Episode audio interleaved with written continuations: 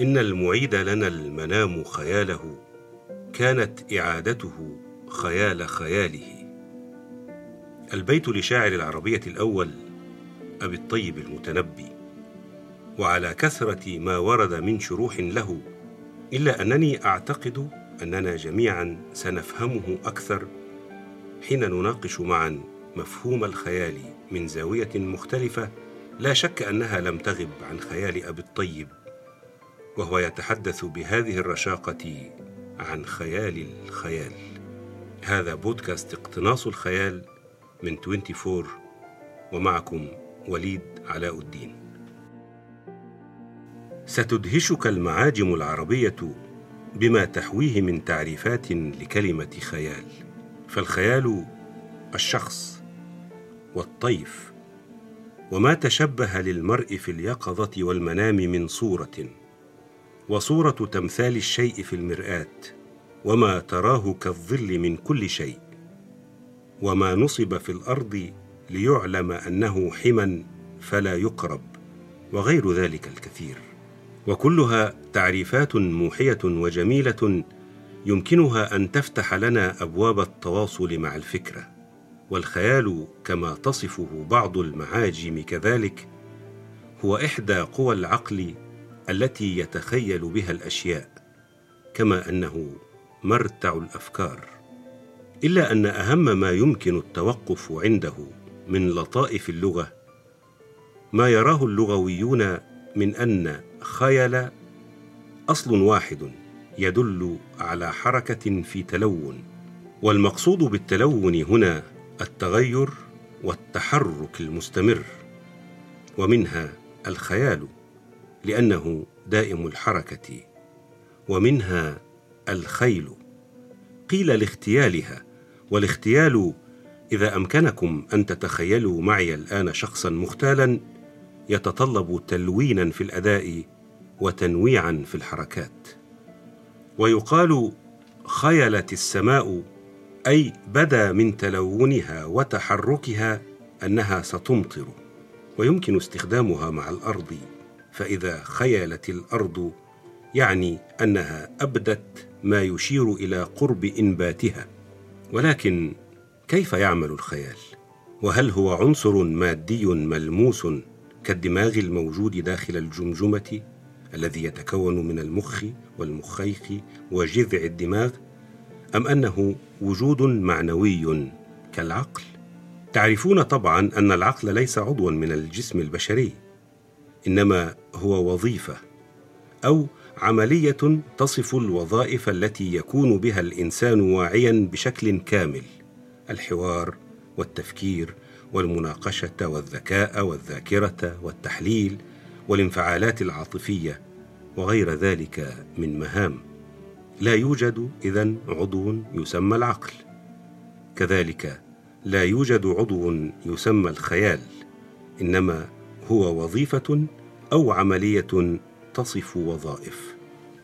ورغم كثرة ما أوردته معاجم اللغة بشأن الخيال وما نسجه الكتاب والمفكرون واللغويون حول الكلمة فإنني أدعوكم قبل السباحة مع كل تيار إلى الإمساك بما أظنه جوهر الكلمة الذي يصلح للبناء عليه. إنه تلك الدلالة الأصيلة المثيرة التي تسكن في الأصل خيل كما أشرنا منذ قليل وهي حركة في تلون. هذا الجوهر الخفي في الأصل خيل الذي أشارت إليه معاجم اللغة العربية يصلح ببساطة واضحة أن يكون دليلا أو مدخلا لفهم فلسفة الفيلسوف الفرنسي الشهير باشلار الذي اجتهد في التفرقة بين التصور والتخيل. يرى باشلار والترجمة لزهير الخويلدي أن الخيال ملكة تشويه الصور التي يوفرها الإدراك وهو وصف قريب جدا لما يكتنزه الأصل خيل في اللغة العربية فهو أصل مرهون بالحركة والتلون دائم التحول أو التشوه إذا استخدمنا مفردة بشلار فإذا استقرت حركته أو توقف عن التلون فقد مبررات وجوده فكأن الخيال عملية مستمرة من تكوين صور جديدة بأشكال غير متوقعة من خلال اتحاد جذاذات وقصاصات وشظايا وأشلاء صور متوفرة بفضل الإدراك. الخيال إذن ليس مجرد شاشة عرض لا تتوقف عن البث في قاعة مقصور عرضها على عين المرء الداخلية. وإن كان كذلك ولكنه أيضا كل عمليات الرصد والفهرسة والانتقاء والقص واللصق والتركيب التي تتم على الصور بشكل مستمر فلا تتوقف عمليات الحركة والتلون والعرض على شاشة العين الداخلية للإنسان. يقول باشلار إذا لم يكن هناك تغيير في الصور أو اتحاد غير متوقع للصور فلا يوجد خيال ولا يوجد عمل تخيلي. جميل أن يتفق باشلار مع جوهر الأصل خيل في اللغة العربية إلى هذا الحد.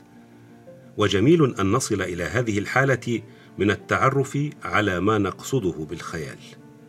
فقد عرفنا أن الخيال وظيفة وليس عضوا في الجسد وعرفنا أن اسمه مستمد من طبيعته حركة في تلون. ويمكننا الاتفاق على أن وظيفته معتمدة بالأساس على ما يتضمنه من حركة فائقة لا تستقر وتلون ثري لا ينضب وقدرة على التفكيك والتركيب لا تنفد.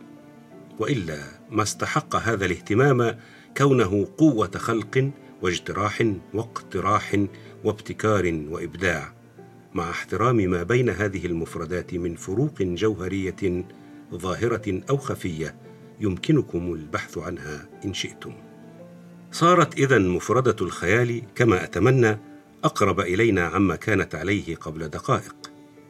ولكن لكي تكتمل الفائدة علينا أن نعرف من أين يأتي الخيال بصوره تلك التي يضعها دوما في حالة تحريك. وهل هذا عمل نقوم به بوعي كالمشي مثلا أم بشكل تلقائي كدقات القلب والتنفس؟ وهل هناك منهج يمكن استخدامه لتطوير هذا الأمر؟ وهل هو منهج علمي؟ وهي تساؤلات سنناقشها معا في الحلقة القادمة من بودكاست اقتناص الخيال بينما نستمع إلى حكاية السيد سين العاطل عن العمل بعد أن عرضت عليه وظيفة منسق زهور في شركة كبيرة براتب لا يقاوم.